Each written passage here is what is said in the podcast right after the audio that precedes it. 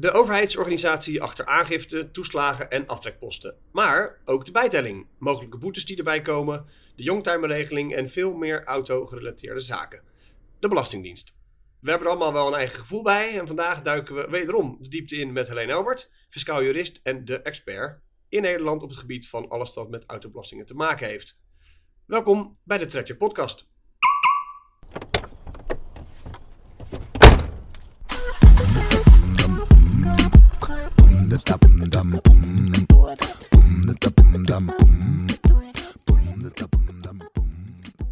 Leuk dat je luistert. Ik ben Michel Lichtvoet. Tegenover me in de studio zit Helene Albert. Helene, welkom terug. Dankjewel. Leuk dat je er eh, wederom bent. We weten inmiddels, naar aanleiding van de vorige aflevering, al de voorkeuren die je hebt qua auto, wat je hebt gereden en, eh, en wat er eh, mogelijk in de toekomst aan zit te komen. Er zijn voor mij nog geen aanbiedingen geweest.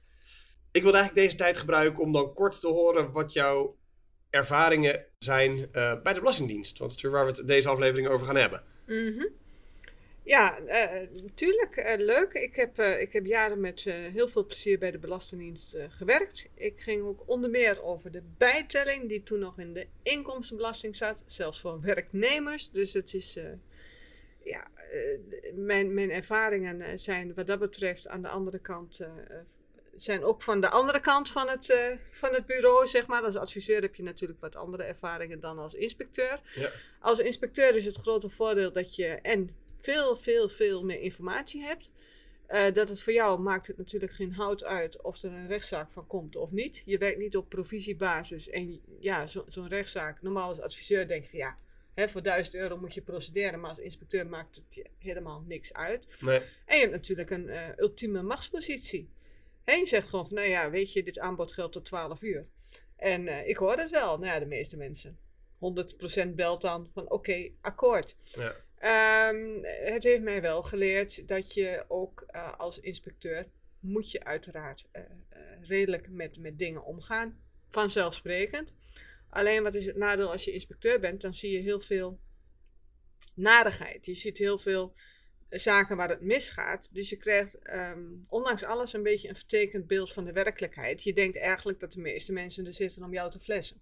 Ja. Hè, en en ik, ik, ik zeg het nou heel zwart-wit, maar dat is ook niet zo. Maar weet dat je als inspecteur een wat ander beeld van de mensheid hebt uh, dan in het werkelijke leven uh, reëel zou zijn. Ja, want de gevallen waarop alles goed is geregeld en netjes wordt aangeleverd. Dat die zie je niet. Nee. Nee. nee. Dus uh, ja, dus het komt pas bij jou terecht als, als er al rotzooi is. Dus je hebt op een gegeven moment het idee dat, dat er alleen maar rotzooi is. En, ja. en ik zet het een beetje extra zwaar aan. Maar weet dat het als inspecteur maakt het niks uit of ik iemand gelijk geef of niet. Ik moet gewoon het gevoel hebben dat het klopt. Ja. Het gaat, een deel is zwart-wit, maar het grootste deel is grijs. En als ik eenmaal iemand niet vertrouw, is het ook heel moeilijk om dat vertrouwen terug te winnen. Terwijl als je denkt van, nou ja, weet je wat, die mensen hebben een foutje gemaakt. Ach, het zal wel. Um, dat je dan veel eerder geneigd bent om, om, om tegemoet te komen. Ja. Het, het is gewoon een groot deel uh, menselijk contact. En, en weet ook dat als inspecteur dat, dat je uiteraard ook uh, de rechter nog hebt. En dat je er soms heel wat anders over denkt dan, dan je als inspecteur denkt. Ja, en dat kan aan de goede of de ja. andere kant opvallen. Ja, ja, zeker. Alleen als inspecteur heb je gewoon veel meer middelen. Ja. En veel meer tijd. Ja. Ja. En macht. En dat mis ik wel eens. Maar uh, nee, nee, als adviseur uh, zit je natuurlijk aan de andere kant van het, uh, van het spectrum. Ja. En ik, ik, ik, merk wel eens dat heel veel adviseurs en ook heel veel bereiders van auto's, dat ze zeggen van ja, maar dit kan toch niet, dit kan, gaan ze toch niet doen. En dat ze echt, echt heel erg met de hakken in het zand gaan zitten en zeggen van nou ja, ga maar boeven vangen. Maar daar win je de oorlog niet mee je moet gewoon zorgen. Dus mijn, mijn praktische tip is altijd van nou, bedenk eens uh, wat, die, wat voor die inspecteur van belang is. Voor de inspecteur is van belang dat uh, als ik iemand gelijk geef en mijn collega of mijn teamleider kijkt in het dossier, dat ze niet zegt van nou Helene, dat jij daarin bent getrapt. Hè? Dus, ja. dus het, het doel van een gesprek met de fiscus is niet het tegenover elkaar staan. Het doel van een gesprek met de fiscus is die inspecteur informatie aanleveren uh, waarop die inspecteur met een gerust hart tegen zijn collega kan zeggen van ja, zie je wel, um, ik heb hem terecht gelijk gegeven. Je, je zorgt gewoon voor de informatievoorziening van de inspecteur. Dat is Ja. jouw rol. Je moet hem gewoon argumenten geven om jou gelijk te geven. Ja. Dus niet tegenin, gewoon ernaast gaan staan. Maar dat is een hele mooie, vind ik. Het, in mijn, voor mijn gevoel werkt dat het best in de praktijk. Ja. Want het maakt de inspecteur echt niet uit of je die bijtelling krijgt of niet. Ik bedoel, het is niet dat er een eindejaarsbonus tegenover staat van nou, ik heb twintig keer een bijtelling toegepast. Nee, nee, nee, het is gewoon Nee. puur je... Oké. Nou, ik denk dat het wel een hele een goede gedachtegang is. Eh, en misschien ook wel een mooie brug eh, naar dat gesprek dat je, dat je noemt. Want wanneer kom je als zakelijke rijder dan eigenlijk in, in aanraking met de Belastingdienst of met een inspecteur? Hoe, hoe komt dat tot stand? Nou, je hebt eh, als, als inspecteur, ehm, ja, je hebt uiteraard de- belastingcontroles. Die gaan bijvoorbeeld eh, bij bedrijven. Er worden om de zoveel jaren wordt een bedrijf eruit eh, uitgeplukt, zeg maar. Dat kan vanwege een branche zijn, dat kan vanwege een verhaal zijn, dat kan vanwege een actie zijn. Hè, dat, daar valt niks over te zeggen. Ehm, dan, dan komt er bijvoorbeeld een controleur op bezoek. En een controleur die ligt je de hele boekhouding door. En die kijkt uiteraard ook naar de auto. En eh, die stelt daar ook vragen over. En ja, als hij denkt dat daar gecorrigeerd moet worden, dan, dan legt hij een correctie op.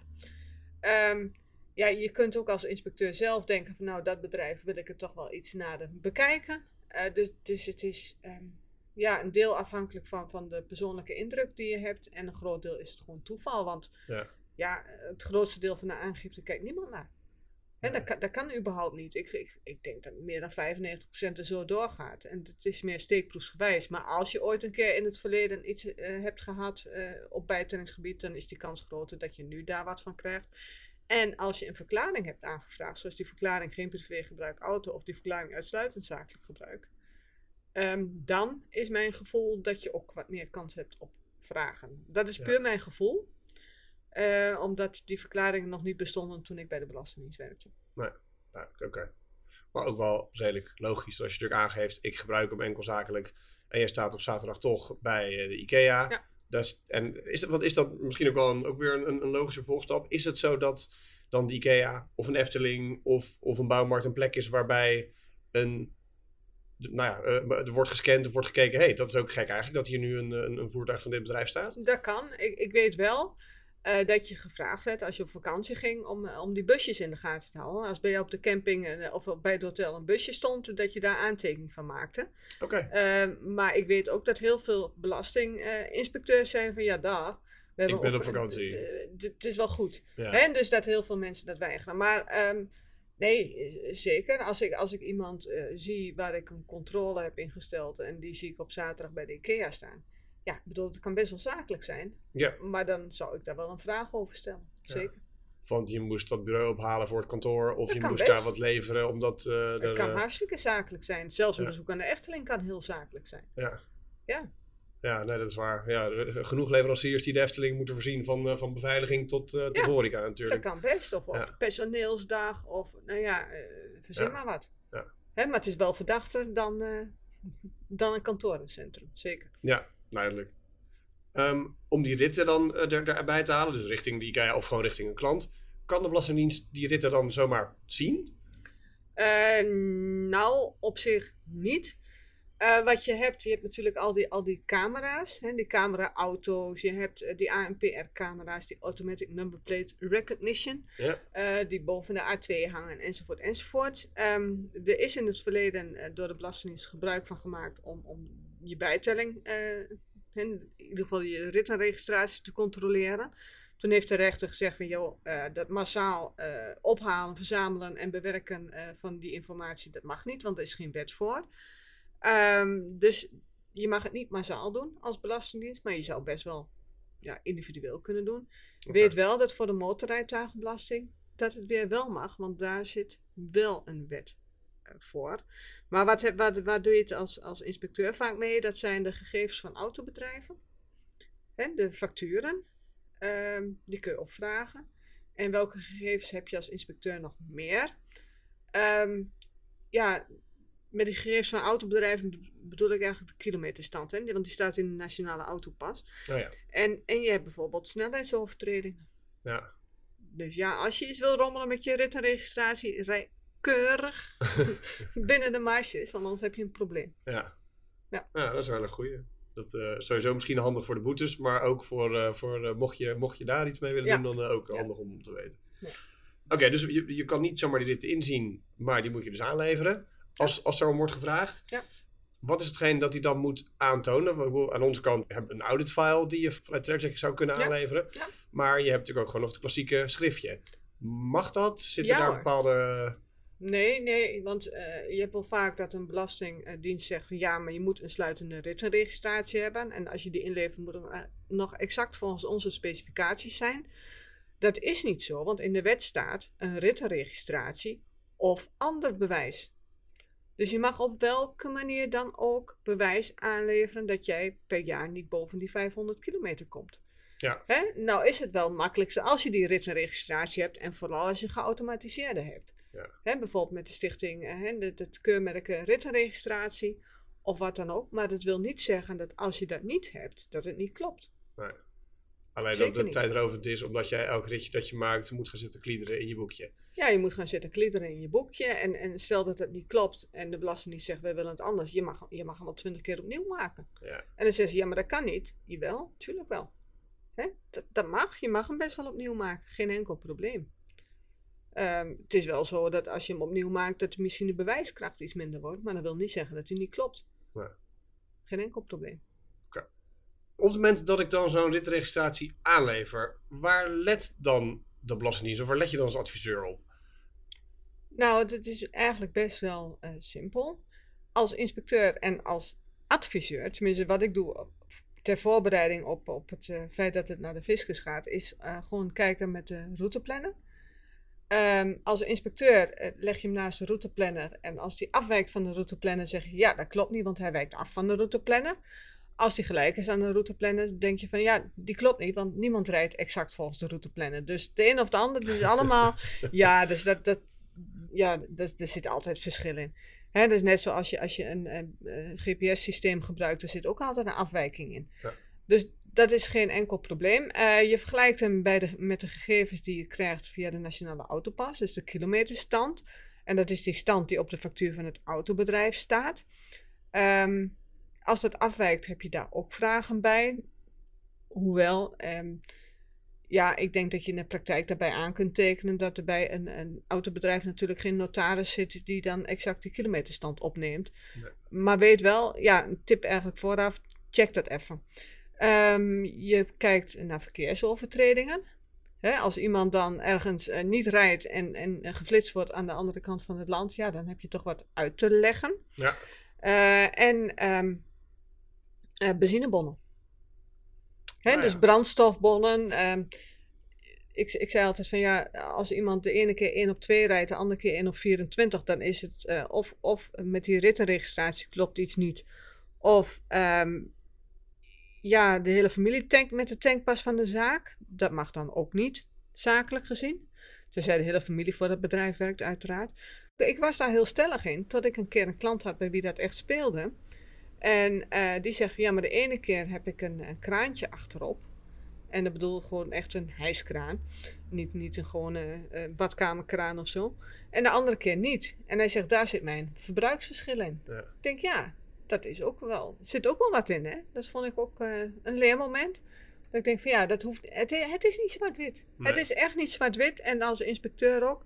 Als er afwijking in zit, en ik ben wel eens rechter gegaan en zeg, nou, er zit zoveel honderd kilometer verschil in, dat kan niet kloppen. En die man zegt, ja, ik ben omgereden, ik heb file ontweken en weet ik veel wat. En ja, dat kan. Ja. Er zit altijd een afwijking in. Ja. Er zit altijd een afwijking Oké, in. maar dus de, de, de uitspringers, of hetgeen waar, waarop ze worden gelet, kunnen dus eenvoudige dingen zijn als je tank, eh, je tank eh, eh, pas of Ja. gebruik, boetes ehm, Ja. en mogelijke. En je mag zelfs de agenda opvragen. Kom maar op met de agenda. Ze ja, maar het staat in mijn telefoon. Nou, kom maar op met de telefoon dan. ja. Ja. En dan kijken mensen wel een beetje vreemd, maar dat mag. ja. Nou ja, als je goed daarmee kunt aantonen dat jij op die plek moest zijn op een bepaald tijdstip met een, dan is dat natuurlijk. Ja. Oké, duidelijk. Kan je ook iets vertellen over de gevolgen? Als je het niet op orde hebt, want je noemt nu al de rechter een paar keer. Ja. Eh, we hebben eh, boetes, maar ook het volledig terugbetalen van die bijtelling heb ik, heb ik over gehoord. Ja. Wat, wat is de waarheid? Nou ja, alles. Ehm, nee, want als iemand dan toch eh, meer dan 500 kilometer per jaar privé heeft gereden, dan krijg je een bijtelling. En wat doe je dan meestal? Je gaat 4, 5 jaar terug. Mhm. Ehm, dan kun je als inspecteur kiezen, leg je die naheffingsaanslag leg je die op aan de werknemer zelf of leg je die op aan de werkgever. Dan mag je kiezen. Nou ja, ik, ik zou dan zelf eerder kiezen voor de werkgever. Eh, die werkgever die moet het maar weer zien eh, terug te halen bij de werknemer. Ehm, dus je bent een jaar of vijf bijtelling kwijt. En bovendien ehm, kun je daar als inspecteur nog een eh, boete bovenop eh, eh, zetten. Dat doe je eigenlijk standaard. Hè? Je begint standaard met een boete. En standaard eh 50% en, en dat mag volgens de wet. En volgens het besluit van de Belastingdienst zelf mogen ze beginnen met 80%. Ja, Ja. dat is de vraag of dat überhaupt mag. Maar je begint zo hoog mogelijk. Ja. En dat heeft een praktische reden, omdat ehm, als inspecteur moet je die boete opleggen, maar je mag er nooit meer omhoog. Dus als ik denk van ja, dit, is wat, dit, is, dit zijn goed bedoelende mensen en ik leg geen boete op en ik kom er later achter dat er een gigantische fraudezaak is, kan ik nooit meer een boete opleggen. Dus je Nee. begint altijd hoog en dan, dan zak je. Dan zak je. En, en ik denk dat het ook wel een handige tip is voor de, voor de praktijk. Kijk, die bijtelling, wij moeten bewijzen, doen blijken dat er niet boven die 500 kilometer uitgekomen wordt. Ja. Alleen de bewijslast voor de boete ligt bij de inspecteur. En die moet dat onderbouwen. En dat vergeten ze vaak. Ehm, mocht je dat hebben, ik zou daar dan zo laat mogelijk over beginnen, omdat je anders die inspecteur in de gelegenheid stelt om alsnog wat te bedenken. Maar wat je vaak in de praktijk tegenkomt, dat, dat je zegt van nou beste inspecteur, eh, wat is dan de motivering voor die boete? Ja, zegt hij, eh, maar iedereen weet toch dat er een bijtelling bestaat? Ik denk, ja, dus, hè? Ik zeg altijd van ja, ik weet ook dat de aarde rond is. Is dat dan mijn schuld? En dus de inspecteur moet echt onderbouwen waarom jij iets fout hebt gedaan. En dat is niet, iedereen weet toch dat er een bijtelling bestaat van kijk, het is zelfs op de reclame geweest op de televisie. Ik denk ja, het zal wel. Ja. Als Ja, je dat ah, doet, gewoon doen. En als je dan naar de rechter gaat, krijg je daarover gelijk, want dat sluit eigenlijk nergens op. Even tussen ons. Dat is wel een hele praktische tip om mee te nemen, mocht het ooit eh, zo voorkomen. Ja, en je kunt altijd dealen over de boete hoor. Ze zeggen van niet, maar het allerlaatste gesprek. Stil een beetje, een beetje marge. Ja, dan zeg je van, nou ja, weet je, oké, die bijtelling, Allah, maar ik voel mij persoonlijk heel bezwaard door die boete. En ze zegt, ja, kunnen we niet over spreken, maar. En, mm, er is soms nog wel wat aan te doen. Eigenlijk, als ik het samenvat, is het zo dat je eh, gewoon, als, als je het gewoon netjes op orde hebt, je eigenlijk niks te vrezen hebt van de Belastingdienst, Nee. je er ook geen, eh, geen, geen zorgen om hoeft te maken. De Belastingdienst kan niet zomaar in je ritten kijken, maar op het moment dat er om wordt gevraagd, zou je het dan moeten, moeten kunnen Je aantonen. bent verplicht om alles te laten zien wat de inspecteur belangrijk vindt voor het regelen van jouw aangifte. Dus als die inspecteur zegt, kom, zegt, kom maar op met die agenda, met die iPhone en alles, moet je dat laten zien. Ja, duidelijk. Oké, en nou, je hebt ook verteld waar ze op letten. Best wel wat goede praktische tips eh, daarbij. Dan heb ik eigenlijk nog een laatste vraag. Een beetje een zijspoor. Want op het moment dat ik een, een privéauto rijd die ik, die ik zakelijk gebruik. Ja? Ehm, als eh, ZZP'er of als, als, als eh, in loondienst dat je een keer een uitstap eh, maakt. Wat mag ik dan declareren volgens de Belastingdienst? Eh, nou, er is eh, volgens de eh, wet is daar 19 cent eh, belastingvrij. Mhm. Dus als je, als je ondernemer bent, is het 19 cent de kilometer die Ja. van je winst af kunt trekken. Dat is wel 19 cent per zakelijke kilometer, inclusief woon-werk. Ben je werknemer, dan mag de eh, werkgever jou vrijgesteld 19 cent per kilometer, per zakelijke kilometer verstrekken. Geeft hij meer, prima, maar dat is dan belast. Ja. Ja. En that's it. Eh, ik wil nog even langs de wasstraat voordat ik naar mijn afspraak ga met die privéauto. Heel veel plezier, maximaal 19 cent per zakelijke kilometer. Ik heb het idee als ik nu bijvoorbeeld ruitenwisselvloeistof noem dat dat hetzelfde... Dezelfde parkeerkosten, allemaal krijg je niet als je een eigen vervoermiddel hebt. Dan is het Ja. gewoon 19 cent de kilometer. En stel dat je van je baas 10 cent de kilometer krijgt, nou dan heb je dus nog 9 cent ruimte. Ja, Maar alles met eigen vervoer is maximaal 19 cent de kilometer. En als ik zelf dan eh, parkeer, ik had pas, moest een keer in Rotterdam zijn. Nou, dat parkeergeld is een paar tientjes, zeg maar, voor een eh, half uurtje. Nou ja, ik overdrijf misschien wat. Maar dat is voor mij als ondernemer, ik heb 19 cent de kilometer. En dat parkeergeld is dus eigenlijk van mijn eigen rekening. ja. Punt. Nieuw roetfilter, hartstikke leuk. Maximaal 19 cent per zakelijke kilometer. duidelijk. Ja. Nou, daar is niet veel af te dingen, heb ik het gevoel. en eigenlijk met deze laatste vraag is er ook een eind gekomen aan, uh, aan deze aflevering en aan deze reeks uh, Trackjack Podcast. Helene, we hebben je twee keer mogen ontvangen. Uh, hartstikke bedankt voor je tijd en de moeite. en je kennis natuurlijk ook die je erin hebt gestopt. Graag gedaan, erg leuk. Nou, gelukkig.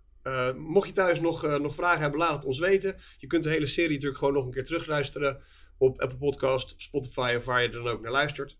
Nogmaals hartstikke bedankt en tot ziens. dum dum dum